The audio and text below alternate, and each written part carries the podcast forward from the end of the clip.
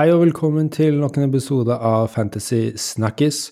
Mitt navn er Eirik Boman, og sitter her med min gode venn og kollega Eid Oksam Haugerud. Hallo, hallo. Ja, så har eh, snøen kommet til Molde også for deg, eller har du sluppet unna? Nei, altså, på, på toppen av fjellene så har det kommet snø, men uh, i selve byen så er det ikke snø ennå, takk Gud, egentlig.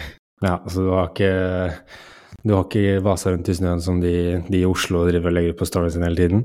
Nei, jeg vaka rundt i vann for det meste. Ja, det er bra. Det er bra vi ikke skal snakke om vær og, vær og snø.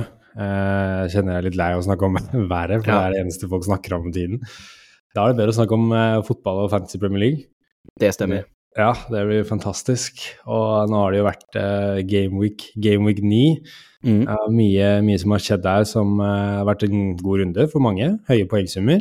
andre har hatt en litt tøffere runde, men det er generelt en høy, høy, score den runden som var. Og så er det jo Game Week 10, og det har vært litt wildcard-popping og greier i teamet. Mm -hmm. og det er mye som skjer rett og slett i Game Week 10. Det er mye interessante spillere som vi må diskutere. Det er til og med noen uinteressante eller noen debatter vi må ta om er verdt å selge. Mm -hmm. Så her er det mye bra i hoveddelen. Og så har vi jo så klart våre, våre beste spalter til slutt. Noe videre både jokere og kapteinsvalg, så dette her er fullstappa meny, altså. Mm -hmm. Så det er bare å stålsette seg og hoppe i det. Skal vi ikke gjøre det, Doksheim? Det syns jeg vi skal gjøre, vet du. Vi hopper rett inn.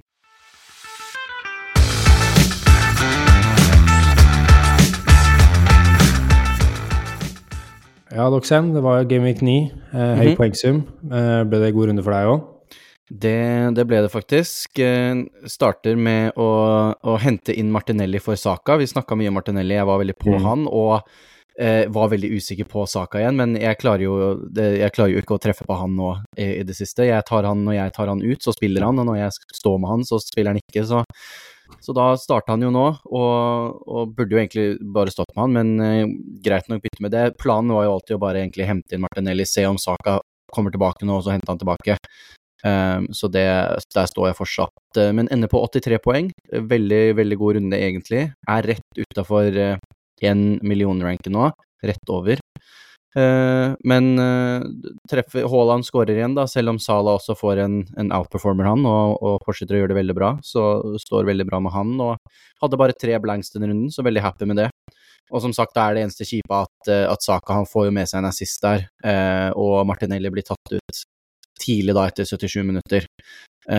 så det er det eneste negative med runden, men ellers veldig veldig fornøyd. da, Får til og med med må på Bowen, for eksempel, og Neto fortsetter fortsette med sist, Så overall veldig happy. Hei, så bra. Uh, fikk også god runde med 80, 87 poeng. Og klatrer ytterligere, så nå er jeg på 485 000 i verden. Var litt høyere oh. før den Tottenham-kampen, men så, men så uh, kom Son og ødela litt. Og i tillegg at jeg hadde Odogi, som klarte å bli bytta ut etter 55 minutter. Så den var, den var, brutal. Hvis han hadde spilt fem minutter til, så tror jeg jeg hadde vært kanskje oppe, og i hvert fall over 400 000. Mm. Uh, altså den er, den er, kjedelig, men uh, sånn går det. Uh, solgte Walker for Trippier, så den fikk jeg jo avkastning på med en gang. Mm. Det var kjempe, kjempedeilig. og så har jo Salah nok et hull. Han eier jo. Watkins fortsetter å levere. Motbeviser egentlig det jeg snakket om, at man burde ha kanskje Diaby istedenfor Watkins. Mm, virkelig. Virkelig, han ser, han ser rå ut nå. Han ser ut som han er motivert på å ha en god sesong og spille seg inn i den EM EM-troppen til England. Så det er vel eh, veldig, veldig, veldig kult å ha han. Og ja, jeg har vel det samme, bare tre, tre blanks. Um, ja, en god runde og fortsetter å gjøre det bra uh, etter den store wildcard-runden i Game Week 8. Mm. Men nå bestemte jeg meg også for å få poppe wildcard. Og vi skal prate litt om, om, det i hoveddelen, så det er ikke noe vits å gnåle på Game Week 9 og bare hoppe rett i Game Week 10, skal vi ikke det? Det syns jeg vi skal gjøre, vet du. Vi hopper rett inn.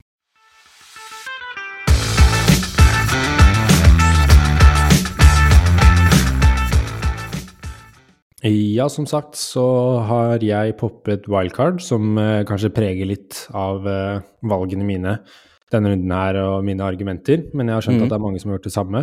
Eh, hvis ikke så er det jo prater jo du også litt for de som ikke er for wildcard, og så er det jo de samme aktuelle spillerne som går igjen. Og, det det. Og, så det er, eh, disse spillerne her er relevante for alle. Men jeg tenkte vi skulle begynne hoveddelen opp med et eh, lyttespørsmål. Mm. Uh, for dette er et spørsmål som angår en veldig interessant spiller for tiden, som mange har lyst til å komme seg på. Da. Det er er Semikas et godt valg, er spørsmålet. Mm. Og det er jo noe vi vi sa det i forrige episode, at uh, Semikas kom til å mest sannsynlig komme inn og spille for Liverpool. Han fikk starte nå, nå sist mot, uh, mot uh, Everton. Var riktignok mm. den dårligste på banen for Liverpool og ble bytta ut tidlig, men han fikk den 60-minutteren og fikk, fikk, med seg clean shit-poengene. Og han er jo en gave for alle oss som er på wildcard nå. Det er jo, Her har du en 4, nå har han gått vel opp til 4,5, men her har du en 4,5-valg som kommer til å spiller mye. Det kan hende han får en benk her og der. Nå har de han 18-åringen i bakhånd, og så har de i tillegg Joe Gomez som kom innpå og spilte venstre back. Uh, men de har jo disse turneringene sine ved siden av Premier League, så det må jo være en rotering. Simikas kommer ikke til å spille alle kampene, det Nei. skjer ikke. Og han må nok opp et par hakk til. Uh, så hvis Joe Gomez spiller en kjempegod kamp nå neste gang han får muligheten, om det er mot Toulouse på torsdag eller til, til helga, så kan fort den plassen være litt skummel. Så jeg, jeg, er litt sånn avholdende på at man er et sånn nødvendigvis et veldig godt valg. Jeg vil si han fortsatt er et godt valg, fordi han kommer til å 80% sjanse så kommer han til å spille framover. Og mm. han er billig venstreback for Liverpool. Gave til oss på wildcard. Og til og med for de som ikke er på wildcard, så kan det jo være en fin måte for å finansiere til en Sala, Watkins eller hva det måtte være. da. Har du tenkt på få han inn, Doxheim? Nei, egentlig ikke. Jeg liker argumentene. Vi snakker jo litt om han sist, når Robertson Når det var snakk om den skaden han fikk, om at han har fått ny kontrakt, og det tyder jo på en, en viss form for tillit, da, men som du sier, han er den dårligste spilleren på banen til Liverpool, blir tatt av tidlig, og det er tydelig at du blir ikke tatt av etter 60 minutter som venstreback, eh, med mindre det er at treneren ikke er helt fornøyd med, med opptredenen din. Så da er terskelen veldig fort liten da på at ok, men så fort hvis Joe Gomez faktisk bare viser seg å være bedre, så får han spille der, da. Mm. Um, så om hvor lang tid det eventuelt tar, er jo et spørsmål også, men han er den usikkerheten rundt hvor god han egentlig er, da, hvor uh, det virker ikke som om, om, Klopp er sånn han skal spille uansett nå når Robertson er ute. Der, han er veldig, der virker det som det er åpen på ok, det er den som spiller best. Uh, så da tror jeg det blir det, Da føler jeg at det er mye, mer, for mye bra i det sjiktet til å, å drive og, og, gamble på den spilleren. Hvis du skal ha en sånn billig en, så er det viktigste for de billige som skal sitte på benken noen ganger, er at du må kunne stole på at de faktisk spiller når du først skal bruke dem. Ja. Og da kan det være litt dumt å, å ha en som ikke er sikker på det. Er en, det, det, som er ganger han litt, er jo den prisen som gjør at uh, Det er jo som du sier, er, du må jo gamble på at han faktisk spiller. Det er jo, hvis ikke så kan du ha en Charlie Taylor til 3,9 istedenfor uh, Semikas. Uh, men likevel uh, han, han, han, konkurrerer jo da mot sånn Kofal og Nå er riktignok Andersen og Duggi gått opp 0,4 og 0,3 og samme Burn og sånt, men han kan konkurrere mot de gutta der, og ja, jeg syns man kan fint gå med Simikas, men man skal ikke bli helt uh, irritert hvis han plutselig får en benk. For den kan, mm. den kan, komme. Jeg tenker på mitt wildcard, så er han der som en rotasjonsspiller, være den uh, fjerde stopperen, for jeg kommer til å, eller mitt forsvarsspiller, for jeg kommer til å bruke tre forsvarsspillere som regel i hver runde, men da vil det være en rotasjon med Semikas, uh, Matty Cash, uh, Saliba, Gabriel, kommer an på hvem jeg har, ikke sant. Det mm. kommer til å være Nei, Liverpool har jo Forest og, og, Luton og så Brentford hjemme, da, og så en tøff City-kamp, men ja. de neste tre er jo veldig gode, da, så hvis han får spille den Forest-kampen Luton, så er jo også sannsynligheten for at han kan spille bedre når han spiller mot dårligere lag, da. Ja, og han tok eh, corner også da mot Everton, så det er jo mm. sånn som ganger han. Ja, det er jo eh, faktisk et ganske stort pluss. Ja, det er det. Eh, videre, så for å være litt i den billig, billigbanen, så mm. har vi noen billige midtbanespillere som uh, har markert seg i det siste. Og det har blitt en uh, liten debatt mellom disse billige midtbanespillerne. Vet, du har uh, lyst ut én som hadde en skikkelig nå hold på søndag. Mm. Og det er godeste Douglas Louise på Aston mm. Villa. Han koster bare 5,5, eid av 5,6 eh, Han vil nok være den hva skal jeg si, villeste anbefalingen som kommer i dagens episode. Mm. Eh, men jeg har egentlig veldig sansen for han. Han er, mens vi spiller denne episoden, så er han topp sju mest poeng av midtbanespiller denne sesongen. Han har mer poeng enn Neto, Ødegaard, Ødegård, Sterling og ikke minst Diaby, som liksom har vært mm. eh, kanskje den alle tenker på i Villa utenom etter en Ollie Watkins, da. Eh, vi er jo ganske kjent med han som fotballspiller. altså Han har en kjempeskuddfot, men viktigst av alt, han er på straffer i Aston Villa. Og han er eh, 0,3 billigere enn en Pedro Neto, da, så det er jo det sjiktet spillere sånn eh, femte midtbanespiller da, som han, han er i, eh, i, klassen til. Og om, jeg tror fort han kan ha Uh, mer poeng enn Sien Neto da, når vi kommer til mai og er i slutten av sesongen.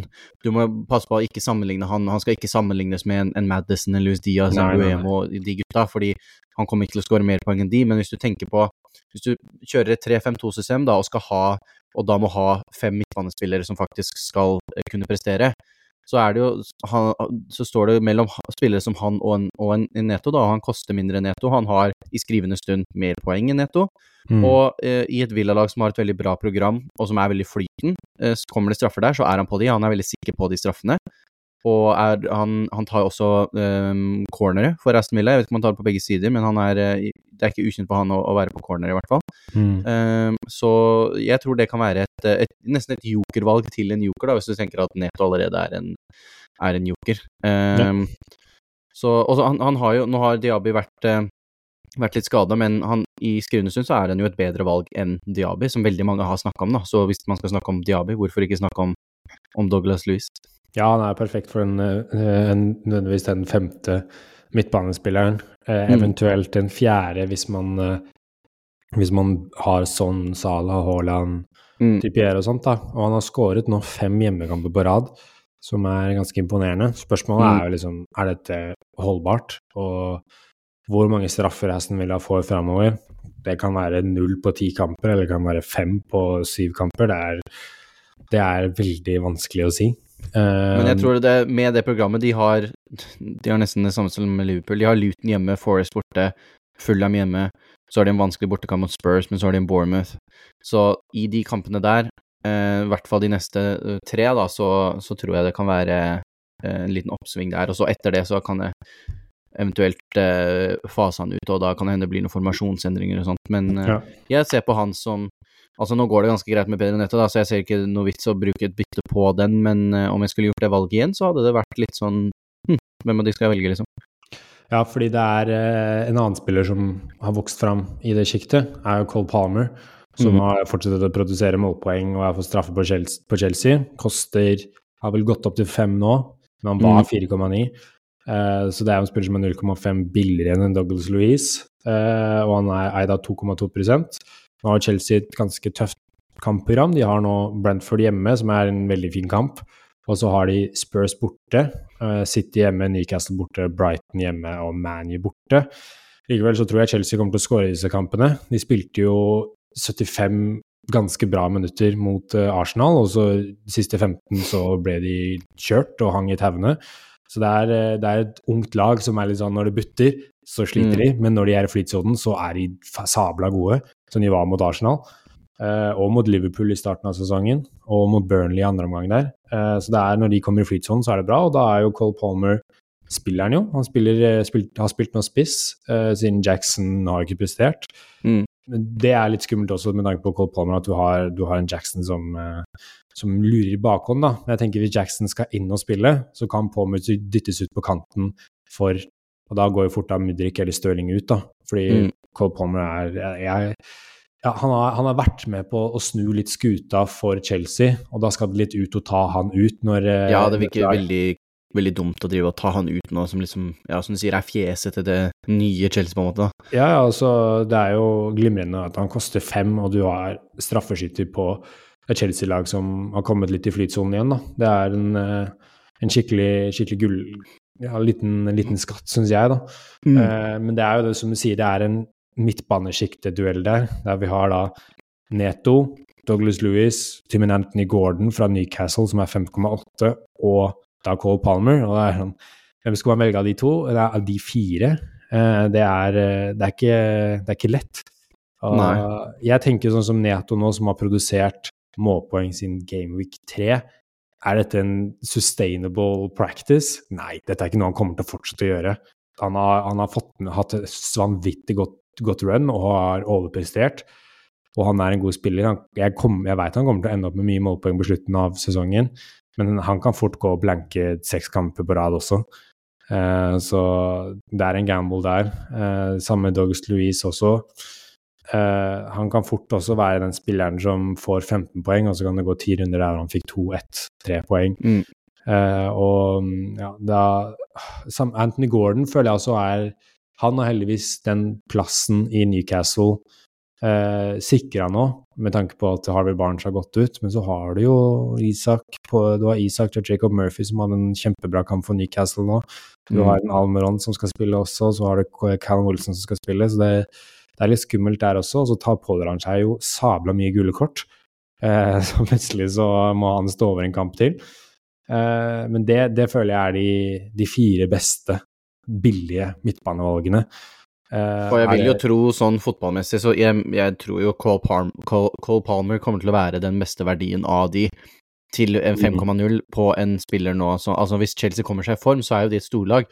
Og hvis han da skal være på straffer der og lede linjene, liksom, til 5,0, uh, ja takk, da vil du jo ta den. Uh, så det blir spennende å se hvordan de kommer seg gjennom det uh, tøffe programmet deres nå, da, om de liksom blir dratt litt ned igjen, eller om de fortsetter den oppgående kurven, da. Men Cole ja. Palmer tror jeg nok er det beste valget av de, men um, hvis man er ja, på utkikk etter andre ting Du syns Palmer er, er, det beste av de, de, billige? Med tanke på at jeg tror at han er den beste, sånn mest målfarlige av de alle, og koster minst. Uh, ja. Men så er det jo litt også tilfeldig hvem som faktisk ender opp med poengene, da.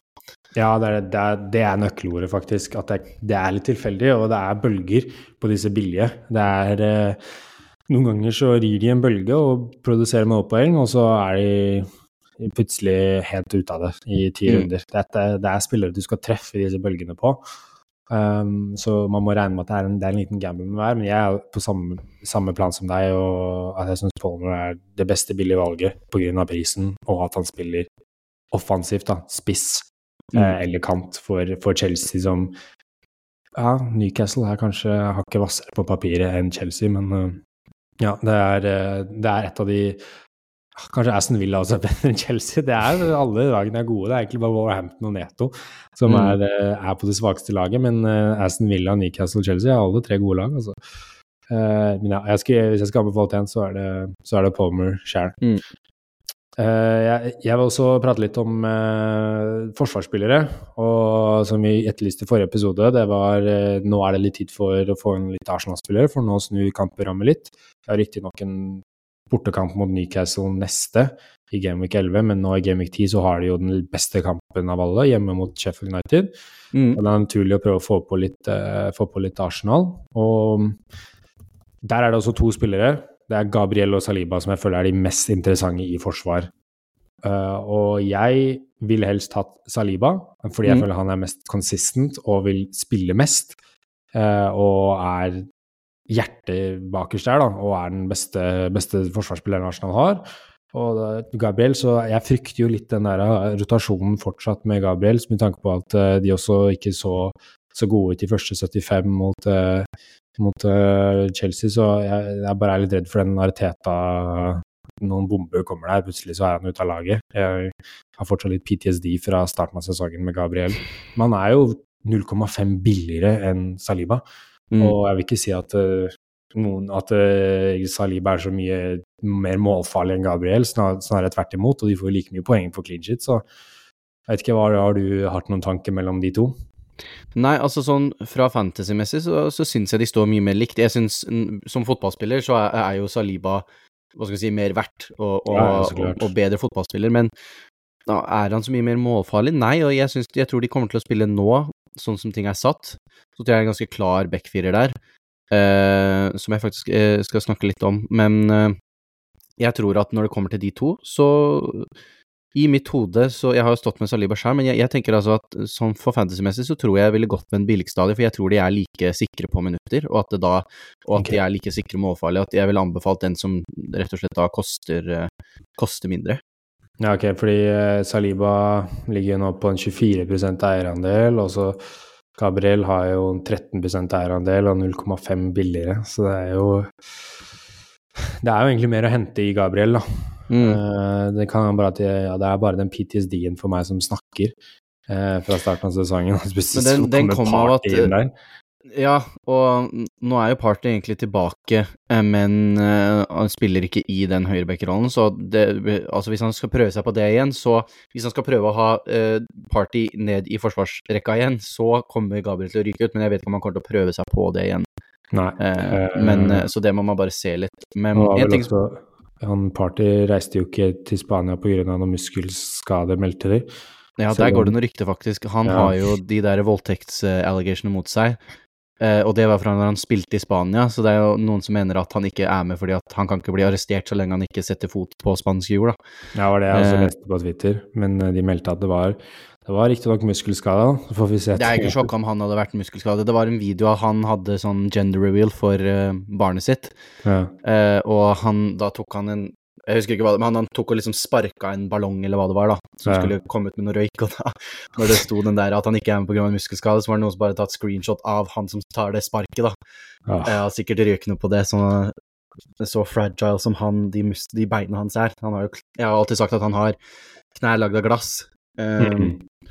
Så Nei, men en ting jeg også vil nevne i den uh, backrekka til Arsenal, er faktisk uh, Jeg vil bare nevne Tomiyasu. Jeg tror ikke at han kommer til å begynne å starte nå, men jeg vil bare ha det on record nå at uh, han starta som venstreback i Shinshenko sitt fravær mot Sevilla nå i går, i Champions League, og han har faktisk han har vært veldig, veldig god som sånn inverted um, venstreback i rollen til Zinchenko. Så jeg tror fort at eh, han kan begynne å, å spille der når Zinchenko er ute skade, da, fordi som sagt, som vi har snakka om, han er ganske skadeutsatt.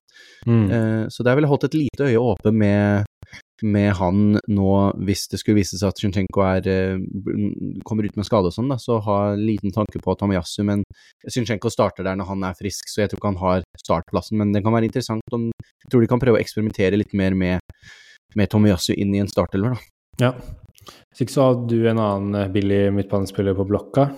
Eh, Forsvarsspiller? Uh, en, eh, en Tottenham-kar. Tottenham Forsvarsspiller, da, ikke midtbanespiller. Ja. Ja, godeste Mikke van de Ven. Um, og det smerter meg jo å snakke om gode Tottenham-spillere som en Arsenal-fan, men akkurat Mikke van de Ven har imponert meg veldig uh, denne sesongen. Mm. Veldig morsom spiller. Han koster bare 4,6, eid av 3,8% og han er av de Tottenham-spillerne, og ganske av de mange forsvarsspillerne på Fantasy. Nå har jeg bare sjekka Tottenham-spillerne, så jeg kan ikke si 100 for alle de andre, men den som er minst eide da, av de mm. Tottenham-forsvarsspillerne som er aktuelle, Udogi, Romero, Pedro Porro, de, minst eide by far. Eh, I skrivende stund så står han med sju poeng mer enn Udogi, selv om, som vi har snakka om, Udogi er mer offensiv og skal være mer offensiv. Um, han er mer sikker spilletidmessig. Som du snakka om sist, eh, så ble Udoge tatt av tidlig. hvilken van de Ven, han spiller 90 minutter så lenge han Eh, ikke er skade, mm. for å si det sånn. Uh, og han koster 0,3 mindre. Det har vært veldig prisøkning på, på Udoge nå, nesten oppe på 5. Han er vel på 4,9. Ja. Og til 4,6 da så kan du få en som i skrivende stund står med mer poeng, og har mer sikre spilleminutter. og en veldig mye mindre eierandel. Så jeg tror han fort kan være den beste verdien i det Tottenham-forsvaret når vi kommer til slutt. Mm. Programmet til Tottenham, vi snakker lenge om at de hadde et bra program, men det begynner å bli litt dårligere. Nå har de Crystal Palace borte, Chelsea hjemme, som jeg ser på som en vanskeligere kamp enn det vi gjorde tidligere. Jeg er litt, eh, ja, litt troa på at Chelsea kan ta en liten At det der gikk i første tapet til Tottenham. Mm. Eh, det er bare en liten sånn følelse jeg har, da. Det ja, det, det, du, du, kan se det for deg, for å si det sånn. Ja, det, kan, det minner meg litt om når Tottenham slo Chelsea, eh, når Chelsea var undefeated og Del Alli skåret to mål. At du, du, liksom bare følte at der kan det komme en liten bombe. Ja, Pochettino tilbake liten, Kanskje Chelsea kan eh, overraske Tottenham litt i den kampen. Pochettino mot Tottenham, etter det står jo skrevet. Og så etter den så har de jo Wolverhampton borte. Greit nok, Villa hjemme, og så han sitter borte. Så det er jo ikke de enkleste kampene eh, fremover, da. Mm. Um, selv om Tottenham er et mye bedre lag nå, så tror jeg at eh, de har, som vi har snakket om tidligere også, de har, med, de har fått med seg mange skrapeseiere nå. Eh, hvor lenge klarer de liksom å, å, å dra ut de? Eh, veldig imponerende til nå, men jeg tror et eller annet tidspunkt så tror jeg det må ta slutt. Um, så hvor mange clean shit det er å hente framover, litt usikker på, men jeg, når man snakker om Udogi, som er så, snakket, så høyt oppe i skyene, koster 0,3 mer og har sju mindre poeng, så syns jeg Mikke van de Ven fortjener å få en, en liten shout-out på bare 3,8% eierandel, så tror jeg han det er uh, en bedre verdi ja, jeg er også enig for så vidt i det. Jeg har jo eh, Pedro Porro faktisk inne på wildcardet mitt akkurat nå. Mm. Men jeg kan fort ende med å hente litt mer penger. Gå ned til Mikke Van Ven eller Christer Romero, som Romero er jo en bonusmaskin. Han har jo henta så mye bonuspoeng. Han er jo den av de som har mest poeng av de forsvarsspillerne ja. i Tottenham der, men han Og, og koster like mye som Doggy Romero om 4,9. Porro er dyrest etter til 5,2, men uh, ser, når du ser fotball, så ser det ut som Poro er den som har størst sjanse for å få, for å få offensive poeng. Mm. Uh, så det er litt derfor jeg foretrekker ham hvis du har pengene, men uh, du, du legger en veldig godt, god sak for Van de Ven hvis du skal samle inn clean sheet-poeng, da. og han har jo skåret allerede én gang denne sesongen her, så han viser jo at han har litt, litt offensivt ved seg også. for jeg føler komme. når du spiller på spillere som Udogi og i hvert fall Pedro Porre, da, så er det litt mer sånn de targeter du kamper på så de kan hente offensive poeng, mens Mikke Van de Ven er en som du, som du, kan ha i laget, og som henter jevnt. Han er, han er mm. en som du må han er som å investere i, i aksjefond, da. Du må liksom la han sitte der og holde inn clean shits overall. Det er litt vanskelig å treffe på når de får clean shits. Ja. Mens en Pedro Porro er mer sånn ok, nå har de bra program, da kan vi putte han inn for å um, for at han skal prøve å få målpoeng i disse spesifikke kampene, da, og at han kanskje ikke får like mye hvis du har han over en hel sesong. Ja, ja det er eh, Ja, jeg ser hva du sier der. Mm. Og du får meg til å, får meg til å revurdere tankene om, om Poirot. eh, videre så er det, det er to, to Brighton-menn jeg vil snakke om. Han ene mm. er den mest åpenbare, det er Mitoma. Jeg føler det er litt sånn, nå er det fort på tide å komme seg på han. Vi tok mm. jo sendte Carl Walker til uh, og kjøpte pølse. Det var mm. jo Han er utrolig, utrolig god. Koster 6,5, fortsatt billig, og en høy eierandel på 37 da. Og det er utrolig mye skader i Brighton nå. Nå gikk jo Solly March med skade, Danny Welbeck er ute med skade, du har en Cease som har skade. Det er mye skader i det, i det Brighton-laget. Og ja, han er en spiller som bare han, han, skaper noe ut av ingenting, da. Mm. Litt sånn som de beste spillerne gjør. De bare får ballen, bare skaper noe, selv om de kanskje ikke har så mange sjanser, de kanskje ikke er like mye i boks, men de får ballen, og så dribler de to stykker, og så er det scoring. Eh, om det er assist eller de skårer selv, da. Og sånne spillere er eh, Må bare si hvor uvurderlig det er i moderne fotball. Mm. Hvor veldig mange lag, spesielt Brighton også gjør det, spiller systemfotball hvor du har lært inn mønstre som skal spilles. Mm. Og hvis, da, hvis, det da ikke fungerer, å ha en spiller som en Mitoma som plutselig kan bare finne på noe sjæl og skape ubalanse, utrolig, utrolig uvurderlig i ja. moderne fotball. Så det er det som gjør han så utrolig verdifull og god. Ja, han fikk jo ny kontrakt og greier med Brighton nå, så nå er det tøffere å kjøpe han for storlagene. Ja, det er smart av dem, for kommer å, noen kommer til å kjøpe han, men da kommer ja. de til å få ekstremt mye mer penger for han. Ja. Eh, Brighton har jo nå lettere kampprogram. De har jo Fullham hjemme, Brighton borte, nei, Everton borte, beklager. Eh, altså Sheffield United hjemme og Force borte i de fire neste. Fire veldig, veldig fine kamper. Eh, og jeg, der tror jeg de kan eh, vinne alle sammen, for så vidt. Mm. Eh, men eh, kan, Brighton kommer til å skåre mye mål i de kampene, og Mitoma kommer til å spille. Uh, han kommer til å spille med, med de skadene de har. Og han, han, er noe man bør tage til å prøve å få inn. Uh, til og med hvis man er på det Watkin-kjøret, da vil man kanskje ikke ha Diaby, så tror jeg man rett ned til en Mitoma fra Diaby. Uh, det er fort, fort gjort. Uh, og så er det en til da, som har virkelig kommet fram som et jokervalg. Det er Adingra fra Brighton. Mm -hmm. Han burde så egentlig vært inne i den samtalen med Palmer, Douglas Louise og de gutta der. Burde vært med i den diskusjonen. Uh, for han koster fem blank, samme som Palmer, uh, og eid av 0,4 uh, Og han har klokka inn to 90 minutter på rad for Brighton. Og det er jo da med March, Fort og Welbeck ikke skada. Mm. Uh, og nå er jo de skada, så da har han større sjanse for å spille.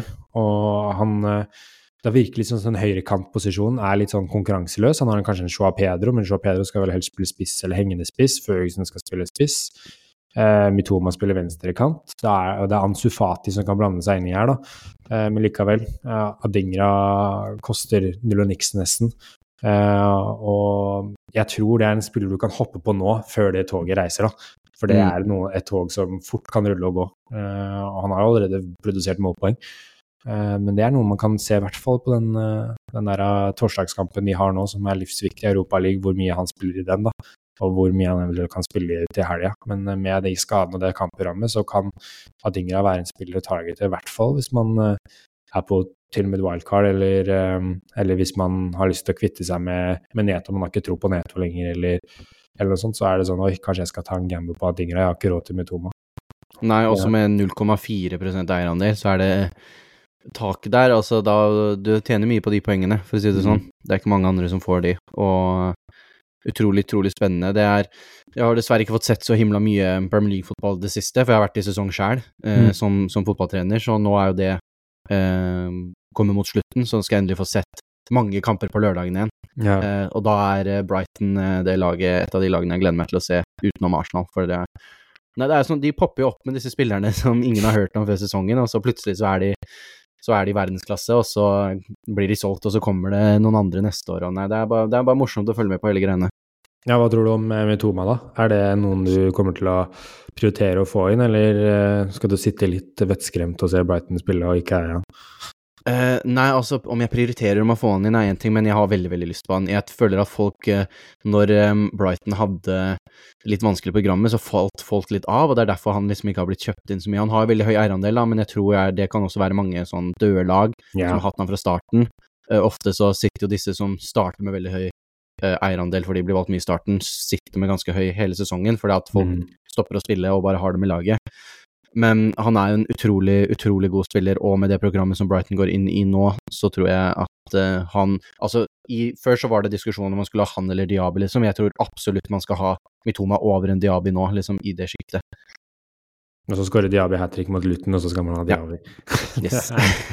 Det sånn det det tar vi når det kommer. Ja. Du hadde liten, uh, to spisser.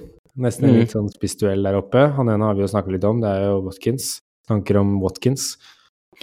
Eh, Watkins, uh, hva skal man si om han som ikke er blitt sagt ennå? Uh, han Mm. må rett og slett bare nevnes fordi at han har gått forbi Haaland nå. Alle, hvis du er spiss og har Ja, mer ja. poeng enn Haaland, så må du, må du nevnes som, som aktuell. Um, han er jo den Han koster 8,3, så han har jo gått opp 0,3 fra prisen sin, og han er eid av 36,3% nå. Det er ganske, ganske mye. Mm. Um, men um, han har nå fått med seg en ny tosifra Hall fra forrige runde. Han er på sju poeng mer enn Haaland. Eh, Villa som sagt har Luton, Nottingham Forest, Fulham og Bournemouth i løpet av de neste fem, og Watkins er altså han er i fyr og flamme. Ehm, problemet hans kan være at han kan være litt vanskelig å paire hvis du har en Sala og Haaland, sånn som Ja. jeg har. Um, så jeg føler at han eventuelt passer bedre i et trespissystem, hvor du har tre gode spisser, liksom, eller um, pairer han med en, en Haaland, da, hvis du ikke kjører en Alvarez. Mm. Fort kan du kjøre alle tre også, men da får du nok ikke en Sala, da, um, er problemet. Men uh, jeg tenker til og med er det mulig å kjøre Sala og Watkins, og så bytte ut en Haaland, hvis du f.eks. er på et wildcard nå, da. Det er også en, en, en tanke jeg har, eh, som jeg Ja, kan leke med, fordi at jeg ikke Ja. er i den situasjonen, da. Så det er Mm. lett for meg å si. Men jeg har faktisk nei, faktisk eh, Watkins og Haaland, og til og med en Saka på wildcardet mitt akkurat nå. Ja, det er jo gå inn, ekst- eh, alle fire, og ja Jeg kommer ikke til å fjerne Watkins nå. Jeg hadde jo han egentlig litt sånn Jeg kjøpte han jo inn litt sånn fordi jeg orka ikke Jackson lenger, og, og vi skulle bare ha inn noen. Og så har han bare Det var så ergerlig å ikke ha han i fjor, når han var på det runnet. Så Mm. da har jeg bare vært sånn kanskje jeg bare skal beholde han. Nå har jeg jo sagt hele tiden ikke Diaby over Watkins, men ja, etter det jeg så mot Westham, så har jeg blitt veldig sånn at det, det er nok lurt å bare stå med, med Watkins, altså. Og jeg tenker det er best å stå med han med Haaland, faktisk. Eh, enten Ja. 3-5-2 eller en 3-4-3. men hvem er du, har du da som siste spiss? Alvarez akkurat nå, så jeg har Ja. Alvarez, Watkins og, og Haaland. Det er jo egentlig Eh. den perfekte frontrekka i, i min, etter min mening, da. Mm. Så det Nei, han er en utrolig god spiller, og, og, og moro å se at eh, Han fikk jo ikke den beste starten i Aston Villa-karrieren sin, men har virkelig bare skutt oppover, oppover, og det er veldig tydelig at han passer godt under, under Emry, da. Så veldig spennende å se. Det blir jo spennende å se om hvordan han uh, klarer seg utover når det blir masse kamper nå, uh, når de holder på. Uh, Mm. Er jo ikke en spiller som er vant til å spille torsdag, søndag, torsdag, søndag, på en måte. Så det blir spennende å se hvor lenge de klarer å holde den koken deres, da. Men uh, enn så lenge så går det jo, så nei, absolutt, eh, absolutt en spiller som må nevnes. Ja, det er veldig mange som kommer til å få han inn også nå, eh, for den liten kampen. Så den er Ja, han går fort opp til 8,4, altså. Ja, så dette er en dette er en spiller det kan være litt tungt med tanke på effektiv eierandel og alt det der, eh, å ikke eie. Eh, Mm. Og man kan, man kan svi mye for å ikke eie han, samtidig som ja, vi har sagt det tidligere at Watkins er streaky spiller. Han, Ja. Når han først scorer mål og assist og sånt, så holder han på en stund, men så kan han blanke en stund også. Mm. Eh, og nå er han jo på en streak, da. Eh, og Det er spørsmålet om jeg kan opprettholde det. Borte mot Luton, jeg tror at han kommer til å få med seg noe der. Alt annet Mm. ville jo vært bombe. Men eh, du veit jo aldri med, med litt i fotballen hvor mye Emry skal ha utrolig mye skryt, og i 2023 så er vel Aston Villa det laget som har henta tredje mest poeng i hele Premier League. Og, men han har jo sine svakheter med disse At noen ganger så kan det virke som man bare virker litt planløs når det går bytte Mm. litt imot, og i hvert fall mot litt svakere motstand, eller når de møter et veldig godt lag og kampplanen ikke sitter fra starten av. da. Så han ser litt eh, vrien ut, og liksom når, når ting ikke funka de første 15 minuttene, så virker det som at det er sånn oi, shit, hva gjør jeg nå? Og så bare ramler alt sammen. De, Mm. de hadde jo ikke noe svar mot Liverpool. Det var litt sånn oi, de ble pissa på i 30 minutter, og så bare vi gjør ingenting. Vi bare fortsetter å bli pissa på. liksom sånn, da tar vi den, ta- taper vi, og så prøver vi igjen neste gang. Ja, altså, så jeg vet ikke, Det kan være litt tøft mot Luton borte også, mot et hardtarbeidende Luton, men de skal jo bort der og feie Luton av banen. Det er ikke noe tvil. Det, Ja, så, blir, så er Luton litt tøff i taklingene, og så blir de straffa, og så har Douglas Lewis fått poeng. Vet du. Ja, det kan skje. Og så hadde du vel en spiss til du skulle nevne? Det er godeste Darwin Núñez. Jeg, jeg sto litt mellom om jeg skulle ta han eller eh, Luis Diaz. Eh, begge for så vidt er egentlig men jeg, eh, greie valg, men jeg følte at hvis jeg liksom skulle satt navnet mitt og, og promotert en av dem, så ville det gått for Darwin Núñez. Da koster skrivende stund 7,4, eid av eh, 13% og jeg ser på, på han som et, et billigere alternativ um, til en Sala, da. Du kan jo også kjøre begge to. Uh, siden Darwin er, er spiss, så er det jo fullt mulig. Eh, men det er hvis du ikke har lyst til å bruke pengene på, på Sala, da, men fortsatt vil eh, investere i offensivt Liverpool, eh, så kan du jo få han her til vesentlig billigere, til 7,4 istedenfor 12,8. Mm. Eh, vil han få like mye poeng som Sala? Nei, det tror jeg ikke, men han koster som sagt mye mindre. Og han har også Nottingham Forest og Luton i neste to kampene. Uh, han spilte bare siste 30 mot Everton, som vi predicta egentlig, med tanke på at Mm. han hadde reist fra, fra Uruguay, men som vi også snakket om da, nå er jo han tilbake igjen. Nå er det Gakko litt ute der, eh, noe skade der eller noe sånt. Eh, Ja, han ble skada mot Tottenham-kampen, men han er Mm. tilbake på trening visstnok, så det er spennende å se. Uh, når Gakpo skal melde seg inn der, men uh, Darwin er spilleren i Europa eller Premier League, i hvert fall i Premier League, om det var hele Europa, det husker jeg ikke, som har eh, mål eller assist antall minutter, da. Det laveste som Mm. tar minst minutter for han å få mål assist denne sesongen her av alle spillere i Premier League, om jeg husker hele Europa. Det jeg husker ikke om det var hele Europa, men i hvert fall i Premier League, da. Så det er Mm. en spiller som, som produserer uansett hvor mye han spiller. Det det Ja. skal mindre minutter til for han til å produsere målpoeng. Og som vi Eh, har lært av han, så er han en, en hva skal vi si, formspiller med den tanke på at uh, han blir bedre når det går bra, eh, og liksom virkelig lever seg inn i, i alt. da, To assist på siste to kampene nå. Uh, føler han begynner å bare løsne mer og mer for han. Eh, og han pairer bra som en spiss nummer to om han ikke vil ha en Alvarez da, vil hell, og ikke vil ha to City på topp, eller også en, en nummer tre-spiss, altså vil du ha et billigere alternativ til en Watkins, på en måte mm. I et uh, trespisssystem. Det er også mulig å kjøre en Watkins, Darwin og en Haaland, f.eks., men da må de jo ta større cut ut av midtbanen. Da. Ja, det er sant. Det er uten tvil et, eh, et interessant valg. Um, Ja, videre til litt eh, uaktuelle spillere. Da er det det er en spiller jeg vil eh, gjerne diskutere, som også har blitt dratt opp litt eh, i Twitter osv. Det Spørsmålet er egentlig bare kan man selge Trippier nå? Eh, og argumentet for, da, som jeg altså, har lent meg veldig mot, er litt sånn Han er jo der Tar mye penger. Han, kom, han er uh, nå på vei opp mot syv, mener jeg. Han er 6,9, men han har blitt transfera så mye inn at det er vel snakk om at han kan gå opp til syv også. Mm. Og hvis du selger han, så har du plutselig råd til Saka, Sala, Haaland, Son, Watkins, uh, alle disse gutta her. Og så har Trippier levert 8, 16, 12, 6 og 10 poeng de siste fem gameweekene. Og er dette holdbart? Nei, han kommer ikke til å Nei. holde dette oppe så mye lenger. Det så jo det i fjor, at uh, i starten av sesongen her og i slutten av forrige sesongen, at han kan begynne å blanke ganske mange kamper på rad. Uh, samtidig som han kan også produsere disse høye summene på rad. Da.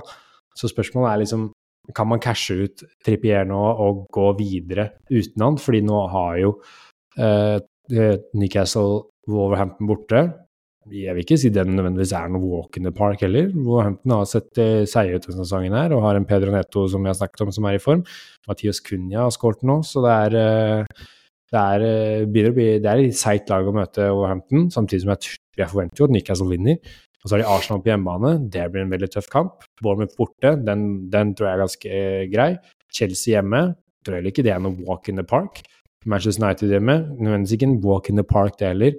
Eh, Everton borte forventer jo Newcastle kommer de til å dominere og kjøre på. Eh, og så er det Tottenham borte. Den er jo veldig tøff. Så mm. det, er, det, er, syv ganske tøffe kamper, da. Og den eneste jeg ser sånn er at den kampen har jeg veldig lyst til å, til å spille Trippier, det er Bournemouth. Resten av de kampene der, det er sånn Jeg spiller den hvis jeg eier den, men jeg går fint å ikke spille den heller. Så da er spørsmålet, i hvert fall for meg som også er på, på wildcard, er, er det på tide å bare gå, gå vei livet uten Trippier framover, da. Eh, nå som de møter eh, antall store lag, og, mm. og at eh, han er en spiller som tar opp mye midler, da. Eh, har du tenkt på, på den eh, Trippier-greia? Ja, altså, som Hvis jeg hadde vært på wildcard nå, så hadde jeg vurdert det sterkere, men som ikke på wildcard. Jeg ville holdt han til den Wolfs-kampen, men etter det så, så syns jeg faktisk at rekka er såpass, um, såpass vrien at det kan være greit å, greit å få han ut. Um, mm. I hvert fall hvis du også sitter med to Newcastle-forsvarere, så kan det være greit å liksom få fase dem ut. Altså hvis du tar én nå og én neste runde, eventuelt et hit uh, neste runde på begge to. Uh, så jeg kan Jeg føler absolutt ikke at jeg må holde han, men jeg føler at jeg tar han ikke ut Eh, nå før Wolverhampton borte. Jeg venter i hvert fall til den, og så hvis jeg skal ta den ut, så skjer det neste runde, da.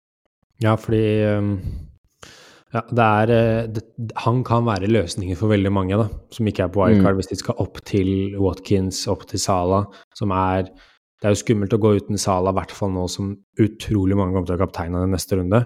Så kan det være skummelt å ikke eie han, og da, for veldig mange, så kan veien være å selge Trippier ned til en 4,5, og så gå opp fra vet ikke om hva folk har, Son eller Madison eller uh, hva det måtte være, Bruno Fernandes, opp til, uh, opp til en Sala. Så det er løsningen for veldig mange, og jeg, jeg er, kommer nok til å gå uten Trippier, faktisk. Og jeg, jeg er fullt mm. klar over at det er risky move, uh, men jeg føler det er riktig timing. Og bare ja. cash, cash, inn på de jeg fikk den ti poengen. Det var det eneste jeg fikk av han. Men det var jeg klar over når jeg ikke wildcarda Gamic 8, at det var alt jeg kom til å få. Men likevel. Det, jeg, jeg, ser at det, det, er liksom enten ha Saka og Trippier Nei, Saka eller Trippier. Jeg tror det er Saka og Son eller ha Trippier. Sånn, hvem skal jeg mm. ha da? Da vil jeg kanskje ha Son og Saka enn Trippier. Ja. ja. Um, er det noen du har sett på som du kan være greit å få bekvitt fra laget? Ja, skal vi se her. Jeg har um, denne smerter meg veldig, da, men faktisk Martin Ødegaard, eh, 8,5, eid av 22,5% som er veldig mye. Igjen mm. der og er det også sikkert mange dødlag som hadde han fra starten, for han har vært mm. ganske stabil på den eierandelen. Men jeg syns at uh, han er et steg ned fra forrige sesong. Uh, og da må han misforstå meg rett, fordi når han er på, så er han uh, like verdensklasse som han har alltid har vært, men, eller som han var forrige sesong òg. Men det virker som han er av, da, oftere denne sesongen enn det han eh, enn det han eh, var forrige sesong. Um, så i den, der ville jeg, når han er i den prisklassen der, så vil jeg, så føles det som det er en mye større gamble enn å gå med en, en sak av til og med en Martinelli nå.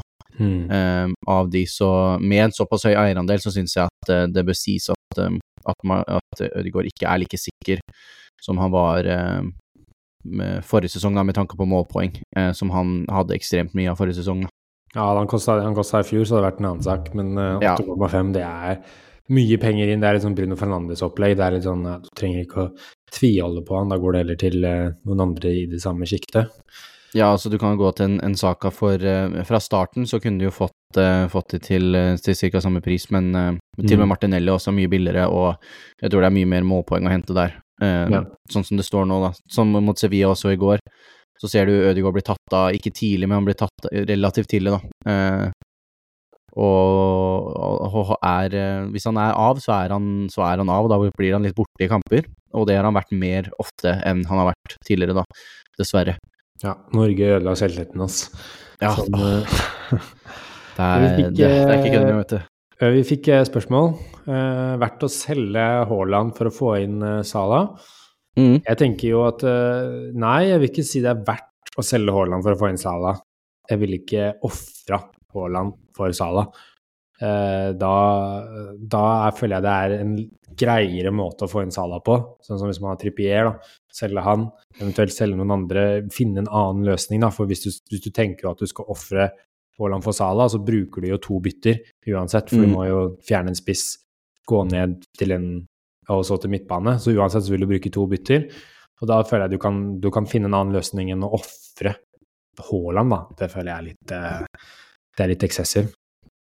Og du, du har ikke Du deler kanskje den samme tanken? Ja, men jeg syns altså hvis du har Salah og Haaland og har lyst til å gå uten Haaland, så tror jeg ikke det er verste helt krise. Altså, du ville, hvis du hadde stått med Salah over Haaland de siste rundene nå, så hadde du jo tjent mest på å ha Salah. Mm. Uh, men som jeg, jeg er enig om at jeg ville ikke ofra Haaland for å få en Salah. Men om du ser deg litt sånn eh, lei av å ha så mye midler bindet opp i to spillere, og gå og velge og da og heller selge Haaland for å spre midlene enn Salah, så kunne jeg, det, kunne, jeg- det valget kunne jeg støtta, men jeg ville ikke ofra Haaland for å, å få inn Salah, nei. Eh, Ja. Han kommer fortsatt til å være toppskårer på, eh, på slutten av sesongen, og han kommer fortsatt til å, til å skåre eh, masse mål. og det er plutselig, når han først liksom sprekker, vet du, så plutselig så er det to-tre mål, og da er det veldig kjipt ikke å ha han. For da er det Mm. mange som kommer til å ha han, og mange som kommer til å ha han kapteina. Da er det tøft å få han inn igjen også. Det er problemet med Salah. Det er Nei, nettopp Haaland, det. mener jeg. Han er en vanskelig spiller å få inn igjen hvis man først har sagt han, men de som gikk utenom på wildcard i Game Week 8, har jo gjort det bra, rett og slett. Mm. Og det er jo liksom med de neste kampene, altså United borte, tøff kamp på papiret, der tror jeg fort han kan få til mye, altså det, er, det tror jeg kan bli skikkelig sånn uh, slakteri. Og så Bournemouth hjemme, Chelsea borte, Liverpool hjemme, Spurs hjemme, altså det er jo tøffe kamper som kommer til, men tøffe kamper blir jo fort, eh, kan han fort skåre masse mål der også, det er det Mm. det er den frykten der, at det plutselig At det er nesten verdt å bare ha han fordi du må få med deg når det, når det kommer, da. Ofte så har det vært Vi har vært veldig hva skal vi si, bortskjemte med at det har vært nesten hver runde. Mm. Dette er jo mer sånn som vanlige spisser er i Fantasy. Nå, og nå koster jo han mer enn vanlige spisser, da, men eh, Ja. nei, jeg tror uh, han er for viktig, altså. ja. Eh, vi har fått til, som vi sa, Sonny March har jo fått en skade, så Mm. ut med han. Sven Botman var jo ryktet at han skulle være klar, men Eddie Howe kom og sa etter kampen at han løy. At han, eh, han var ikke i nærheten av å være klar. Han er ute i flere, flere uker. Selv om han Mm. sa at han er vi får se, vi får se, men han var sånn, jeg kunne ikke si det ved pressekonferansen at han eh, var ute lenge. Nei, det er eh, fair enough, det, altså. Jeg kan respektere det. Ja, så Botman er ute lenge, så han også er ikke noe vits å sitte og tviholde på. Mm. Eh, Du var den eh, siste spiller du skulle nevne som eventuelt kan være på folks lag og på tide å kanskje få bekvitt. Ja, jeg ville bare snakke litt om eh, Dominic Soboslai. Der skal jeg få tatt den riktig. Ja, bare fordi at jeg har, jeg har snakket ganske varmt om han, da. Og jeg, jo mer jeg ser, jo mer ser dette ut som en, en fotballspiller som er veldig, veldig god i, i virkeligheten, skal man si. da, Veldig god fotballspiller, men at han er litt for Litt for mye tredjeassist til at han er verdt å ha i, i Fantasy, da. Um, han er lite sist og nest sist på ballen, da, eh, når det kommer til mål. Altså, jeg tror han kommer til å få noen helt sjuke mål denne sesongen, um, men av det jeg har sett så langt, så tror jeg det er bedre å, å, å eventuelt gå opp da til en Douglas Lewis hvis du skal ha en, en Liverpool-spiller offensivt som ikke er uh, Sala, da. Ehm, så um, bare fordi at jeg har, uh, har snakka for han, eh, så vil jeg bare nevne at eh, jeg er litt mer lunken på han nå, fordi at han er Han er liksom i de samme rommene og sånn som en type Douglas Lewis, liksom, som kommer liksom på enden av boksen og med i det oppbyggende, liksom, men han koster 1,5 millioner mer. Så han, til en 7,0 så er han nok litt for dyr til å spille i den rollen, da. Ja. Eh, når du kan gå opp 0,5 og få en, en Louis Diaz som kommer til å være mye mer nærmere mål og i mye flere situasjoner som kan skape assist eller, eller mål. Ja. Og så vil jeg altså på, på slutten bare nevne at eh, jeg syns fortsatt Hvis du så United mot eh, København i går, så er de fortsatt ikke noe å, å investere i. Det var eh, De sa det godt, Morten Langli sa det godt i TV 2-studio, men det, det var ikke bra fotball. Kanskje det dårligste, noe av det dårligste fotballen de har spilt hele sesongen. ja. Det er bare Maguire som er interessant nå, vet du. 4,2. Han er billig, er billig salg, bare for å komme seg på Maguire. de, har jo, de er jo allergiske mot at angrepsspillerne skal score, da. Ja.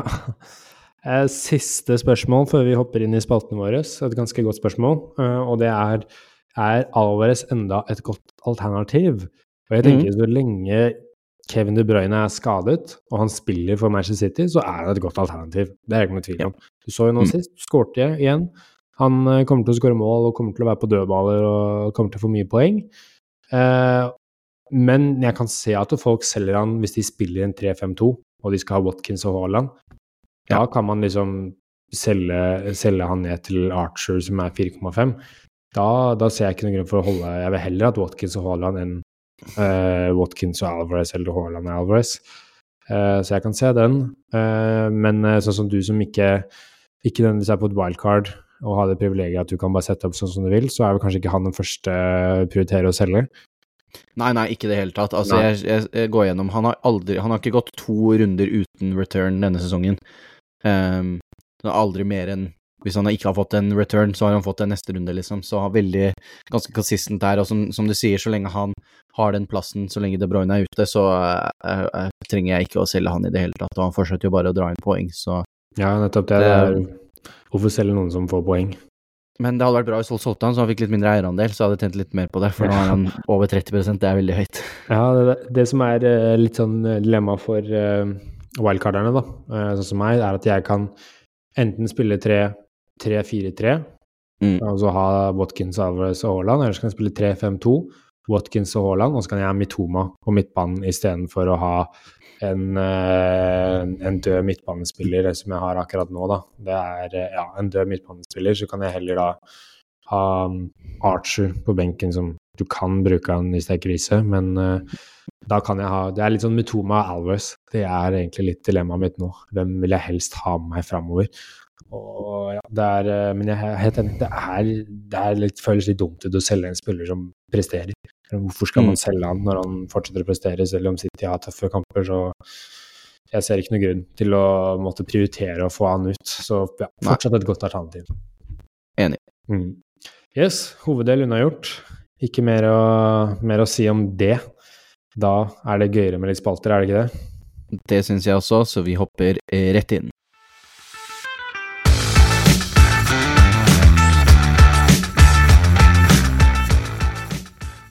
Og da er vi inne i siste del av podkasten, nemlig våre faste spalter, og da starter vi som alltid med Captain my captain, så da lurer jeg på, Boman, hvem har du tenkt å ha kapteinstunde på til den kommende runden? Nå har jeg veldig lyst til å kapteine Sala, det skal mm. jeg innrømme. Eh, men spørsmålet er kan han virkelig ha tre hull på rad. Det er eh, spørsmålet. Det er jo ikke utenkelig.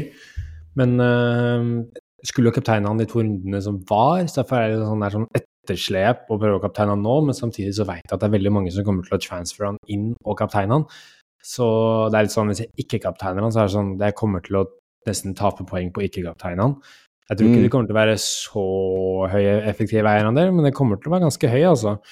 Um, men jeg syns også Saka har jo den beste kampen denne sesongen her. Ja. Den, uh, nesten denne sesongen her, for Sheffield United er ganske dritt. Og hva den på hjemmebane, mm. det er bra, det. Så det er jo veldig fristende å gamble der. Men jeg syns likevel at disse målpoengene hos Arsenal er såpass spredt. Uh, I tillegg til at Arsenal er ikke blant topp ti på expected goals denne sesongen her. Uh, de skaper ikke like mye som de har gjort, uh, gjort tidligere. Eh, likevel så er de ubeseira og på andre, andre, tredjeplass? Andreplass? Uh, ja, tredje er bak, bak City på målforskjell. Ja. Så, så, de vinner jo kamper og, og, spiller for så vidt bra, men det er litt annerledes Arsenal i år enn det var i, i fjor. Litt mer sånn solide, som du sa i forrige episode. Uh, enn i fjor, der de var litt mer sånn sprudlende og liksom, det var mye offensivt og så litt i sekken. Litt eh, mer 1-0 enn 3-2. Ja. Um, så det, og i tillegg at han ikke er plutselig så er, så er han straffedelegerer en straffeskyter. Uh, så da blir det litt sånn sånn Skal jeg ta saka da når han plutselig ikke tar straffe lenger? Uh, så jeg har lyst til å kapteine saka i den kampen. Uh, jeg skal innrømme det. Eh, men jeg føler jeg misser litt ut på Sala, og så er jo alt Haaland alltid med i samtalen. Men jeg tror jeg faktisk ikke jeg skal gidde å kapteine den uten her, og så får jeg heller bare ta den blemmen hvis han skårer to-tre mål. Fordi nå, nå, er jeg litt lei, lei av kapteinen, jeg har lyst til å switche det opp, og da er det egentlig mellom mm. Saka og Sala. Hva med deg? Nei, jeg ser jo for så vidt den med Saka, men Arsenal har også vært mye bedre lag borte enn en hjemme den sesongen, egentlig. Litt sånn rart på det. Altså, jeg tror de kommer til å slå, slå Sheffield, men uh, Vi skal feie over dem. ja, det er litt usikkert Altså, De Jeg kommer vet med ikke- lavt nok, da. Sheffield United. De skal parkere den bussen. mm, altså vi får jo mye Vi får mye um, sånn uh, possession uh, Sånn um, Nå glemmer jeg helt hva det er. Vi har kommet til å ha mye ball, Mye ball, men, ja. Men det har vært problemer med å skape lite denne sesongen, så Men uh, Nå har jo også Sheffield United begge midtstopperne sine skada. Start-midtstopperne. Så dette er altså, det, jo det kan fort bli uh, carnage der, altså. Da kan Mm. Saka fort uh, få med seg Han er jo han er jo den som, uh, som er vår, som kan liksom som skape noe, liksom skape litt uroligheter og sånn. og og Sala, som du sier, også hjemme mot Nottingham Forest, jo, jeg ser også veldig spennende ut. Men jeg bare har Jeg bare ser for meg at eh, det City-laget nå, som virkelig kommer tilbake nå, skal spille mot United, som virkelig er helt, helt kjørt. Enten så vinner United 1-0, eller så vinner City sånn 7-1. Er det jeg ser for meg, da. Eh, så jeg tror nok jeg kommer til å stå på Haaland og håpe på at jeg kan få en liten diff på at det er veldig mange som deg, da, som er, har lyst til å tenke annet. Eh, men jeg ser jo fort for meg at både Saka og Salah kan få med seg to, ett-to målpoeng, to målpoeng da, eh, mot eh, sine, i sine respektive kamper. Ja, det er spennende den, eh, den runden her, altså. Det er moro at det er litt sånn at det ikke er så sikkert med Haaland lenger, da, at det er Mm. faktisk nå er det viable options å ta andre steder, for det betyr jo at poengene også blir litt mer spredt. Det er flere som kapteiner andre, og det gjør ting mer spennende internt, da. Ja, jeg er helt enig. Så med det så kan vi jo gå videre til vår jokerliga, som er vår lille mikroliga, miniliga, hva enn du vil kalle det, hvor vi hver uke velger en joker, som er en spiller på under 10% eierandel, som vi da eh, kjører mot hverandre i en head-to-head-league, og så teller vi opp poengene eh, til slutt. Neste, eh, forrige runde så kjørte jeg på en veldig punt med, med Jensen fra, Mathias Jensen fra Brentford.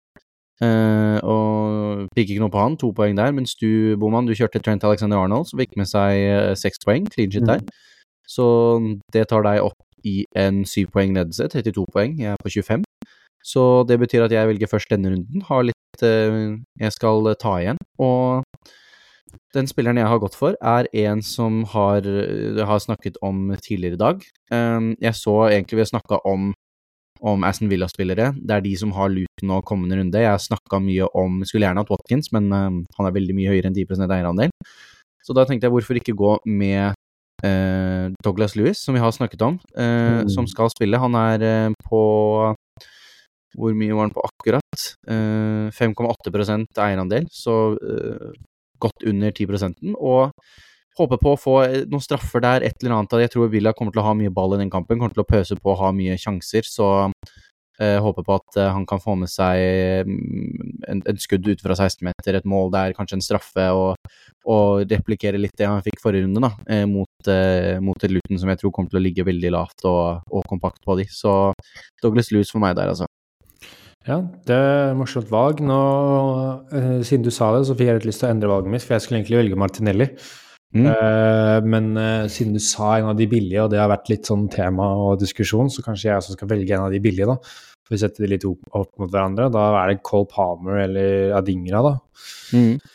Eh, ja um, Skulle gjerne ha sett den Brighton-kampen først. Eh, De spiller mot Ajax der. For jeg Mhm. alltid Adingra, så da får jeg ta det safe, da. Og så får jeg ta Cole Palmer for, eh, for den litt billige joker-duellen. Uh, Mm. Istedenfor at jeg skal ta, ta Martinelli, som jeg egentlig hadde lyst til å velge. Men jeg trodde du skulle velge han, faktisk. Uh, Ja, nei ehm, eh, Han er jo også et, et veldig godt valg, men jeg blir så stressa når jeg velger Arsenal-spillere i disse tingene her, fordi da Jeg føler jeg jinxer det hver gang, så for Ja. min egen helse så prøver jeg å velge andre ting. Kunne også Eh, tatt uh, Nketia, fordi eh, nå er jo Jesus uh, skada. Så Mm. det er ikke noe dum shout med Nketia, altså. Nei, faktisk eh, ikke det, altså, men jeg, jeg trenger veldig at de slår Sheffield, så da skal ikke jeg blande meg inn der og gjøre Nei, noe som nei, kan da- fucke det. Da velger jeg Cole Palmer, i hvert fall. Ja, men supert. Da er det Douglas Lewis fra, fra Aston Villa fra meg, og Cole Palmer fra Chelsea fra deg, så det blir spennende. Så får vi se hvordan det går. Jeg trenger å hente litt poeng her, så jeg trenger eh, flere straffer til Aston Villa hadde vært veldig bra. Ja. Så med det så er vi jo kommet til eh, veis ende for denne, denne gang, så da kan jo du ta avslutningen vår som du alltid gjør, Boman. Selvsagt. Eh, tusen hjertelig takk for alle som har hørt på ukas episode av Fantasy Snakkes. Det har vært eh, kjempeartig å sitte her den eh, times tiden med deg, Doxham, og prate litt eh, Premier League. Og håper eh, dere som lyttet også hadde det kjempeartig. Eh, ta kontakt med oss på eh, Fantasy Snackis på Instagram og X, altså på TikTok. Kan dere se litt eh, content og greier. Så det er eh, bare følg oss på sosiale medier og stille oss spørsmål, så tar vi det med i episoden. Så fortsett å gjøre det. Igjen, tusen hjertelig takk for at dere hørte på ukas episode, og håper dere har en fantastisk uke og masse lykke til med Gameweek 10. Tusen, tusen takk alle sammen. Veldig koselig at vi nå nesten hver episode har eh, noen spørsmål som vi får fra lytterne våre. Det setter vi veldig pris på. Det er veldig morsomt å, å få det. Så lykke til med runden, så snakkes vi neste uke. Ha det, ha det.